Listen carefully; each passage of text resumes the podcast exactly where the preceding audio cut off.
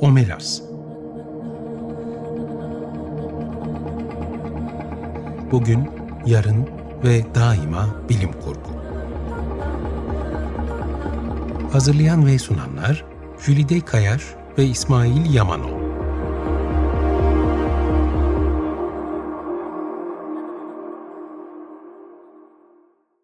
Merhaba, 95.0 Açık Radyo'da Omelas'a hoş geldiniz. Ben Jülide Kayaş. Ben İsmail Yamanov. Programımızda e, bilim kurgunun ülkemizdeki gelişiminden söz ediyoruz son programlarda, son birkaç bölümdür. En son 70'lere kadar geldik. Programı kayıt arşivinden her zaman e, önceki programları takip edebilirsiniz. Oradan da göreceksiniz zaten. 70'lere kadar geldiğimizde dedik ki önümüzdeki programda bilim kurgu sözü nereden geliyor onu konuşacağız. Ee, burada Orhan Duru'yu Almadan gerekiyor. geçmemek olmaz. Ee, bilim kurgu e, ifadesini science fiction karşılığı olarak bilim kurguyu bize kazandıran kişi Sayın Orhan Duru. Bunun da nasıl olduğunu, hikayesini anlatacak olursak Orhan Duru'dan da bir söz edelim. Ee, Orhan Duru aslında e, 50 kuşağından, 1950 kuşağından bir yazar. E, 1933-2009 yılları arasında yaşamış. E, bilim kurguya en başından itibaren ilgi duyuyor. Aslında veteriner hekim yani hiç alakası yok. Sonra Gazeteci diye de biliyorum ben. Gazeteci Evet, gazetecilikte başlıyor. Sonra e, Vedat Günyol'un çıkardığı Yeni Ufuklar dergisi var. Dönemin en önemli dergilerinden. Yani bu 1953'ten 1976'ya kadar çıkmış bir dergi için epey uzun bir süre aslında. Değil mi? Uzun soluklu bir Bayağı başarılı dergi. Bir dergi göre. Vedat Günyol'un çok yüreklendirmesi olmuş Orhan Duru'yu. Zaten bilim kurguya çok merakı var. Ve e, şöyle de bir şey var işte o 50 edebiyatında köy edebiyatı ve gerçekçi edebiyat. Orhan Duru bunlardan biraz sıkılıyor. Yenilik arıyor. Yenilik arıyor bir de bir yerlerde şunu diyor çok hoşuma gitmişti. Diyor ki biz masal geleneğinden gelen bir toplumuz. Hani bizde masal vardır, efsaneler vardır. Hani biz hayal kurmayı biliriz, hayal gücümüz vardır. Biz hayal edebilmeliyiz. Ve hani bir derdimiz varsa, muhalefet edeceğimiz, söyleyeceğimiz şeyler varsa bunları e, başka şekillerde de anlatabilmeliyiz. Çünkü aslında dışarıdaki literatürü takip ediyor. Stanislav Lem'i çok seviyor.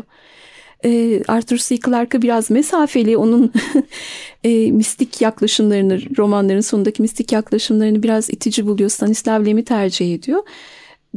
Sonuçta bu e, çabalarıyla bilim kurgu konusundaki yazıları ya da bilim kurgu e, türüne yakın öyküleriyle bilim kurgu ya da science fiction tabii o zaman bilim kurgu denmiyor bir ım, isim yapmış.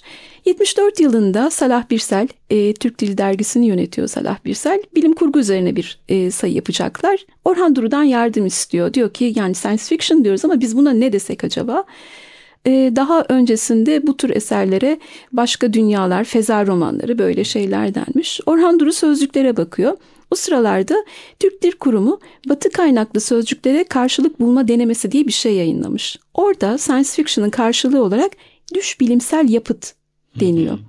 Tahsin Saraç o da bir e, şair, araştırmacı o da düşsel bilim diyor. Diyor ki Orhan Duru hani fiction sözünde sorun var. Science'da bir sorun yok. Science bildiğimiz bilim. Bilim. Science bilimdir ama fiction'a ne diyeceğiz? Onu ararken eski bir sözlükte yapıntı karşılığını buluyor. Çok aklına yatmıyor. Ee, Ali Püsküllüoğlu ve ım, onun da şey var Öztürkçe Sözcükler ve Terimler Sözlüğü orada uyduru den- denmiş buna. Onu da çok beğenmiyor. Ve yine Nurul. Evet yine Nurullah Ataç'a dönüyoruz. Nurullah Ataç hayal gücünün karşılığını kurgu gücü olarak veriyor. Orhan Duru bunu şöyle anlatıyor. Yani e, hayal etmek nedir? Kurmaktır aslında zihnimizde kurmaktır. O zaman bu bilim kurgu olsun diyor. E, işte bu tarihi diyebileceğimiz 1974 yılında yayınlanan Türk Dili Dergisi'nin bilim kurguya ayrılmış bölümünde science fiction karşılığı bize ilk kez bilim kurgu olarak geçiyor. Fakat tabii ki buna itiraz edenler de oluyor.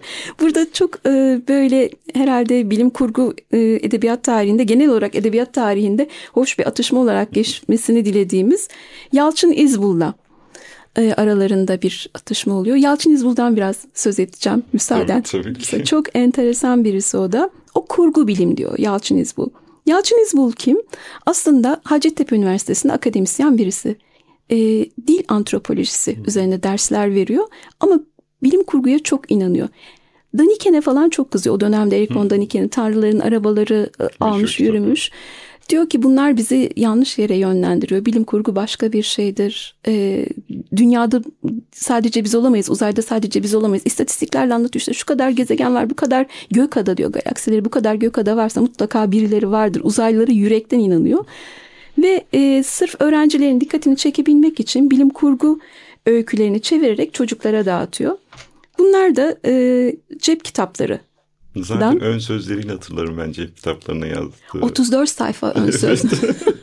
34 sayfalık bir ön söz yazmış Yalçın İzbul. Dünyalıların gelişi. Tema da çok hoş değil mi? hani tamam bize uzaylılar geliyordu da acaba biz dünyalılar olarak gitsek. Çok vardır. Senin bir öykün vardı galiba evet, değil mi? Evet vardı. Doğru. Onu hatırladım şimdi. evet. Gitsek neler olurdu acaba? Mesela Asimov, Bradbury, Paul, Smith pek çok yazar var. Hatta şöyle demiş onu işte bu kitap Hacettepe Üniversitesi'nde verdiğim dil antropolojisi derslerinde görelilik ve bildirişim olanakları konularında öğrencinin ilgisini canlı tutmak ve yoğunlaştırmak amacıyla yardımcı okuma parçası olarak hazırladığım birkaç çeviri öykü çevresinde gelişti. Yalçın İzbul'u anma sebebimiz Orhan Durun'un bilim kurgu sözüne kurgu bilimle karşı çıkması bağlamında oldu ama bir yandan da e, bizim bilim kurgu ülkemizdeki bilim kurgu macerasında bu bakımdan da çok önemli bir yeri var. Tabii. Bu bakımdan eğitim e, anlamında yani akademik hayatta evet. şu anda kaç bilmiyorum akademisyen bulabiliriz, kaç hoca bulabiliriz ki öğrencilerin dikkatini çekmek için. Bilim ya, kurguyu kullansın. Bilim kurguyu kullansın ya da otursun hiçbir karşılık beklemeden e, onlarca öyküyü çevirsin, çocuklara, öğrencilerine sunsun. Çok değerli buluyorum bunu. Hatta onu şöyle demiş işte en sonunda. Dilerseniz artık Sultan Fatih'in gemilerini Galata sırtlarından nasıl ulaşırdığını bir yana bırakalım da gökleri arşınlayacak bir kaptan Mehmet, bilgisayarcı Ali, biyokimyacı Orhan ve iletişim mühendisi Murat düşünelim. E, bu arada şey düşünmüyoruz bir e, mühendis Meltem düşünmüyoruz mesela. Öyle bir şey yok. Dilerseniz artık kurt bakışlı Tarkan Viking prensesini yoksun bırakıp biraz da Aldebaran prensesinin gönlünü çalsın. Naçiz ömrüme bir uzaylının gireceğini sanmıyorum ama bu beni ulusumun tarihteki izini bundan böyle uzayın ve zamanın görkemli sonsuzluğunda aramaktan alıkoymamalı. Bunu edebiyatımızın kanıtlanmış kalemlerinden beklemek artık hakkımız olsun demiş. Böyle iyi niyetlerle bitirmiş. Fakat kurgu bilim konusunda çok ısrarlı. O tartışmalar zaten 80'lerde ayyuk ulaşıyor. Aslında 70'lerin ortasında bu kavramlar ortaya atılmış. Bilim kurgu mu, kurgu bilim mi diye. Ama onun tartışmalarının en yoğun yaşandığı dönem 80'ler olmuş. Hatta 80'lerin gazete manşetlerine falan bakarsanız spotta, e, manşette kurgu bilim, alttaki bilim kurgu o kadar kafalar karışık. Kimse ne diyeceğine tam emin değil. Daha sonra yani aslında ikisi de savunmuşlar. Ve kendilerince evet. haklı tarafları da var. Bunu akademik olarak da e, bir şey tartışma olarak zaten. E, Yalçın İzbul daha sonra Geleceğin Toplumları diye ikinci bir kitap daha çıkarmış. Bu kez onun ön sözünü bir buçuk sayfa tutmuş. Orada bir önceki kitaba e, kitap dolayısıyla kendisine yazan, öyküler gönderen birisine ulaşamadığından yakınarak e, demiş ki işte birisi öyküler gönderiyor kendisine Recai Dinçer. Recai Dinçer de aslında o dönemin bilim kurgu çevresinde var. Hı hı. Dergilerde evet. falan yazmış. Nasıl olduysa bulamamış işte Yalçın İzbul onun adını. Ön sözde kendi adresini ve telefon numarasını vererek lütfen Recai Bey size teşekkür borçluyum bana ulaşın falan Çünkü şey diyor. öykülerini taşınırken kaybetmiş. Evet orijinal öyküleri. O kısa ön sözde şeyi söylüyor. Ee, Orhan Duru Fransızcadan etkilenerek Fransız ekolünden geldiği için Fransızcası bilim olduğu daha için. uygun bulmuştur evet. diyor. Ama genel olarak yerleşen haliyle. Günümüzde evet bilim kurgu en yaygın şekilde kullanılan terim. Evet, evet bundan söz edebiliriz. Ee, sonra geliyoruz 80'lere yavaş yavaş. O dönemde. 80'lerde e, özellikle bir dergicilik bakımından e, 70'lerde bahsettiğimiz X Bilinmeyen dergisi vardı. O kadrodan ayrılan e, Bülent Akkoç sahneye çıkmaya başlıyor artık ve 80'lerde Ocak 1980'de Göktaş diye tekstil bir çalışma yayınlıyor ve e, bunu üç sayı sürdürebiliyor. Şimdi biz bazen burada konuşuyoruz dergi iki bölüm sürdü, üç bölüm sürdü, dört bölüm sürdü. E, bunları çok profesyonel şeyler olarak düşünmeyin. Yani bir kişinin fedakarlığıyla çıkan e, eserler gibi düşünün. Dolayısıyla bu sayılar e, uzun sürememiş maalesef. Keşke sürseymiş ama e, yine 80'lerde bir 6-7 yıl sonra Bülent Akkoç, Ekrem e, Kazım'la bir işbirliği yapıyor ve Çağdaş Sanat Bilim Kurgu isimli bir dergi daha çıkarıyorlar. O da çok yine üç sayı sürebilmiş. E, Bülent abi yılmıyor tabii ki. Yılar mı? Muhakkak, muhakkak. Ve 1988'de bu sefer öncüyü çıkartıyor. İnatla yani illa o... Ufacık ufacık tekstil evet, kağıdı. Küçüktü ve adreslere evet. yollanırdı. Adresinizi verirdiniz. Onu size postalarlardı öyle. İçinde incelemeler, kısa öyküler, sinema, filmlerin listeleri falan olurdu. Ama e, 80'lerde mesela edebiyatımızda da bazı e, öne çıkan eserler olmuş. Mesela Orhan Dur'dan bahsettik. Onun Yoksullar Geliyor kitabı. Evet. Meşhurdur. O yine o yıllarda çıktı. E, Gülten Dayıoğlu'nun benim mesela severek okuduğum kitabı vardı. Işın Çağı İnsanları. O yıllarda çıkan eserlerimizden biri. E, Selma Mine e, karşımıza çıkıyor yine burada kitaplarıyla. O dönem yine bazı bilim kurgu eserlerini imza atmış. E, Ahmet Tural'ın Uzay Çocukları var. E, edebiyatımızda bunlar olurken bir de sinemada neler olmuş? O Dünyayı Kurtaran Adam var en meşhur. E, 1982'de. E, o film çıkıyor. Ma Muammer serisi var. E, Levent Kırca'nın başrolünde ol, oldu. E, çok bilinmez. E, bir deney sonucunda her kızdığında rengi değişen bir kahramanı vardır filmin. E, Kobay diye 1986'da bir film yine çekilmiş ve e, çok meşhur artık herkesin bildiği 1987'de Kemal Sunal Japon işi var. Fatma evet, Girik'le. Hmm, robot evet. oluyor. Evet. 80'lerde de sinemamızda bunlar olmuş genel hatlarıyla. Ee, hani Orhan Duru'nun e, öykü kitaplarından söz ettin. Hani yeri gelmişken şunu da alalım. Ee, 97'de Sarmal, 2011'de Boğult olmak üzere Yapı Kredi yayınları Orhan Duru'nun bütün öykülerini iki kitapta toplayarak yayınlamıştı. İstersen bir ara verelim. Olur. Tekrar merhaba. 95.0 Açık Radyo'da Omelas programındayız. Bilim kurgunun ülkemizdeki serüvenini konuşmaya devam ediyoruz. Galiba şimdi... E... 80'lerden de kalmıştık. Oradan devam edelim dilerseniz. 80'lerde önemli bir edebiyat dizisi daha çıkıyor. Baskan Kurgu Bilim dizisi 25 kitaplık o güzel kapaklarıyla rengarenk. Benim de aslında ilk bilim kurguyla tanışmam o seri sayesindedir. Oradaki Asimov kitapları sayesinde bilim kurguya başladım. Benim açımdan da önemli bir seri. E, sonra 1988'de Kavanoz'daki Adam diye TRT'de bir dizi yayınlandı. E, Ahmet Mekin'in başrolde oynadığı burada bir e, beyin nakli işleniyordu. O da e, hatırlayanlar için bilim kurgunun ilginç örneklerinden biriydi. Onu da anmamak olmaz tabii Evet çok kayıp bir film aslında o. Çok az bilinen bir daha gösterilmemiş. Evet, Belki onu yeniden... var. Evet. Oralardan izlenebilir ama dediğin gibi evet hiç böyle yaygınlaşamamış çok fazla. Evet, evet. Sonra yavaş yavaş 90'lara geldiğimizde biraz daha işler ciddiye biniyor. Örne örneğin 90'larda asıl bilim kurgu e, edebiyatımıza damgasını vuran Mitis'in bilim kurgu dizisi var. E, burada şundan da söz etmek lazım. 90'da hmm, bu e, çıktığında yani Mitis'in bilim kurgu dizisi çıktığında 33 kitaplık bir seri. Çok önemli e, kitaplar var. Diğerlerinden bugüne kadar andığımız Okat, Baskan, Çağlayan onlardan çok farklı olarak çeviriler çok özenli. Son derece özenli çeviriler. Ondan başka kitap kapaklarından e, hatta kiminde içeride vinyet olarak kullanılan illüstrasyonlara kadar çok özenli bir baskı söz konusu. E, bunda da şunu konuşabiliriz herhalde. Daha öncesinde e, Çağlayan da olsun, Baskan da olsun kötü çevirilerden eksik ya da m, yazarın yarım bıraktığı şeyi çevirmenin kendi... Fazla sadeleştirilmiş. Fazla sadeleştirilmiş ya da kafasına göre uzattığı diyelim. Yani böyle bir tabir ne kadar doğru olacak ayıp olmasın ama o şekilde uzattığı şeyler. E, bunun e, bilim kurgu okuru olmayan, gerçek anlamda bilim kurguyla gönül bağı kurmamış sıradan okuru bilim kurgudan tamamen uzaklaştıran bir niteliği olduğu söylenebilir. Çünkü çeviri kötü, baskı kötü, kapak kötü olunca insanlar bilim kurgunun ucuz bir edebiyat. Bir ön yargı oluşmasına yol açmış diyebiliriz. Evet ama örneğin e, şeyi düşündüğümüzde çok satmıştı o zaman Mülksüzler Metis e, bilim kurgu dizisinin e, dizisinde çıkanlardan biri Levent Molla Mustafaoğlu çevirisi İkircikli bir Ütopya evet. başlığıyla kapaktan kapak resminden içerideki e, sunuma ve çeviriye kadar edebiyat kitabı görünümündeydi. Yani diğer edebiyat kitapları nasılsa zaten Metis Edebiyat dizisi içi de geçiyordu tüm bunlar. Çok da güzel bir sloganı vardı. İyi bilim kurgu, iyi edebiyattır. Bülent Somay'ın evet. e, önerdiği Bülent Somay e, ve Müge Gürsoy'un birlikte e, ortaya koydukları bir işti bu. İşte bu diyelim ki mülksüzleri bilim kurguyla hiç alakası olmamış o güne kadar e, okurlarda edebiyat kitabı okuyacakları e, düşüncesiyle alıp bilim kurguyla tanışmış oldular.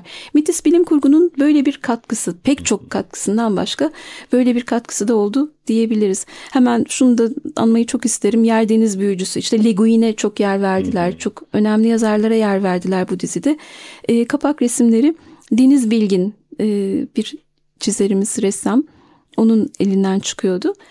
E, Müfit Bey bu dizide yer alan tek e, yerli yazar. Onu da sen anlat istersen evet, hikayesini. E, Müfit Özdeş'in son tiryak eseri Metis Bilim Kurgu serisi içindeki tek yerli kitaptır. E, aslında Müfit Özdeş'in çeşitli zamanlarda kaleme aldığı kısa öykülerinden oluşur.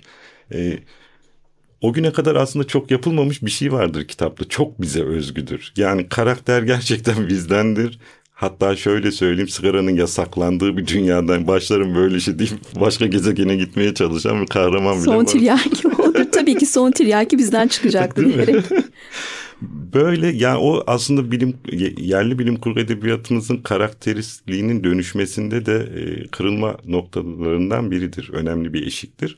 Onun için son Triyaki'yi anmak önemli ki e, Bülent Somay işte o dizinin de editörü e, Müfit abiden o öyküleri alana kadar bayağı bir uğraşmış. Müfit abi de inatçı vermek istemiyor. Çünkü e, yeterli olmadığını düşünüyor kendince. Bülent Somay da okuyor tabii ki biliyor öykülerin niteliğini falan. İşte bir şekilde arkadaşı da olduğu için onu ikna etmiş almış. Ee, ilk çıktığı zamanlarda ben mesela hatırlıyorum bir takım ön yargılar oluşmuş kendisine karşı. Ya işte yani Türkler bilim kurgu yazamaz falan bunu. Şey demişti hatta değil mi? E, bütün hepsi satıyor da bir tek onunki kalıyor. Ondan dert yanıyordu evet evet serinin bütün kitapları bitiyor bir tek son tiryaki kenarda hala duruyor. Evet, Çünkü nedir? De. Türk yazmış aman ne olacak falan Bakın denmiş nereden diye. nereye gelmişiz? E, geçtiğimiz hafta mesela son tiryakinin üçüncü baskısı yapıldı. Bunu da bir haber olarak yeni bir taze bir haber olarak verelim. E, bu aslında kat ettiğimiz yolu göstermesi açısından önemli bence. Evet Metis'in e, bize çok katkısı var. Bak o Metis'in sadece bilim kurgu 33 kitaplık e, dizisinden başka çok önemli iki kitap daha vardır o dönemde yayınlanan. E, 90 3'te Korkunun Bütün Sesleri hı hı. ve pardon önce 91'i söyleyeyim 1991'de Asker Kaçağı bunu hı hı. E, Nesrin savaşa Kasap karşı Savaşa Karşı Bilim Kurgu Öyküleri 93'te de Korkunun Bütün Sesleri. Hı hı. Müthiş öyküler vardır evet, çok bunlarda. derlemeler. Hatta evet. e, şey, Savaşa Karşı Bilim Kurgu Öykülerinde Müfit Özdes'in Kırı Çizg adlı bir e, öyküsü de vardır. Onu mutlaka okumanızı öneririm. Evet. E, 97 Virgül dergisi çıkmaya başladı. Ondan da şöyle bir değinelim. Hani devamının gelmesini dileyelim. Böyle dergiler görmek istediğimizi söyleyelim. Virgül dergisi 97'de dediğim gibi çıkmaya başlıyor. İlk sayıdaki o sunuş yazısında başlarken yazısında Orhan Koçak dergiyi şöyle tanımlıyor. Okunmuş gazetelerle birlikte atılmayacak bir kitap dergisi. O güne kadar e, işte pek çok dergi var aslında. Sanat dergisi var, edebiyat dergisi var, varlık var, milliyet sanat var, pek çok var. Ama onların dışında virgülün iddiası şu oluyor. Bilim kurgu, polisiye yani o vakte kadar edebiyat olarak görülmeyen, edebiyat alt dışı alt türler böyle e, hor görünen türleri de e, değer, onlara da değer verecek bir dergi olma iddiasındalar. Gerçekten de öyle. Sadece ilk sayının içindekiler kısmına baktığımızda Philip K. Dick'in Bıçak Sırtından, Gökteki Göz, Ubik bunlardan söz ediliyor. Şuturgaski kardeşlerin Zor Şey Tanrı olmak üzerine bir inceleme yazısı var. Keza Stanislav Lem üzerine var. Le Guin'in çok önemli kült bir makalesi vardır. Bilim kurguda mit ve arketip. Bir günün ilk sayısında yayınlanıyor. Frederick Paul'un Hiçi Destanı'ndan söz ediliyor. Müfit Özdeş'te söyleşi yapılıyor. Yani yeni e, yayın hayatına başlayacak bir derginin künyesinde o içindekiler kısmında yer alanlar he, hepsi birbirinden önemli yazılar oluyor. Bunların hepsi e, bizim 2000'lere doğru yavaş yavaş ivmelenen bilim kurgu edebiyatımızda önemi olan tabii unsurlar. E, şeyden de bahsedebiliriz belki. 90'lı yıllarda tabii ki e, Metis'in çok önemli bir rolü var. Ama onun dışında tabii başka kitaplar da yayınlanmaya devam ediyor. Mesela öne çıkan o dönemin yazarlarından biri de Haldun Aydıngün. Evet. E, on, ondan mutlaka bahsetmemiz lazım. E, 2000'li yılların öyküleri mesela benim okuyup çok sevdiğim e, 1991 yılında çıkmış bir kitap. E, Seyfi Şirin'in Cennet Atları diye yine o dönemin önemli eserlerinden biri. E, sonra Gurur Asi'nin Cam Dünya derlemesi. E, hatırlarsın Atılgan yayınından evet, değil mi? Atılgan dergisinin e, o yıllarda bir yayın evi kurmuşluğu ve böyle 4-5 kitap çıkarmışlığı da var. O kitaplardan biri de hatta Hugo Gernsbank'in e, bir kitabının da yine çevirisini. evet. ve dolayısıyla e, belki şeyi de anabiliriz. Zühtü Bayar'ın e, öne çıktığı bir yıllar. E, Geyş Android şirketi mesela ve yine tabii bahsettiğimiz işte Müftü son tiryakisi o dönemin en önemli bence bilim kurgu edebiyatının en önemli kitapları diyebiliriz onlar için. Ee, Cenk Eden'in e, bir polisiyesi vardı, bilim kurgu polisiyesi vardı. O da e, kaktüs e, Kaktüs Kahvesi'nin aslında e, şey vardı, polisiye roman yarışması ha, vardı. Celil Oker onu ilk kazanmıştı. E, orada e, Rüzgar'ın Rüzgarsız Şehir Bir de onu anabiliriz belki. Evet. Böylece 2000'lere doğru geldik. Evet yani dergicilikte de dediğimiz gibi Atılgan dergisi özellikle o yıllarda 90'larda başlayıp yayın hayatına 13 sayı devam etmişti galiba. Ondan bahsedebiliriz. Nostromo var o da 4 sayı evet, devam eden. Dediğim gibi dergilere ayrı bir bölüm evet, ayıracağımız onu. için sadece isimlerini şimdi anmakla evet. yetinelim. Peki şey ne yapacağız? Bir sonraki programda var mı bir sürprizimiz? Ee, bir sonraki programda bir konuk konumuz olacak diyelim. 2000'lere doğru geleceğiz. Ama şimdi burada veda edeceğiz dinleyicilerimize. E, kayıt arşivini e, podcast olarak Spotify'dan ya da Açık Radyo web sitesi üzerinden dinleyebilirsiniz. Bize programomelas.gmail.com adresinden her zaman ulaşabilirsiniz. Bizi dinlediğiniz için çok teşekkürler. İki hafta sonra görüşmek üzere. Hoşçakalın. Hoşçakalın.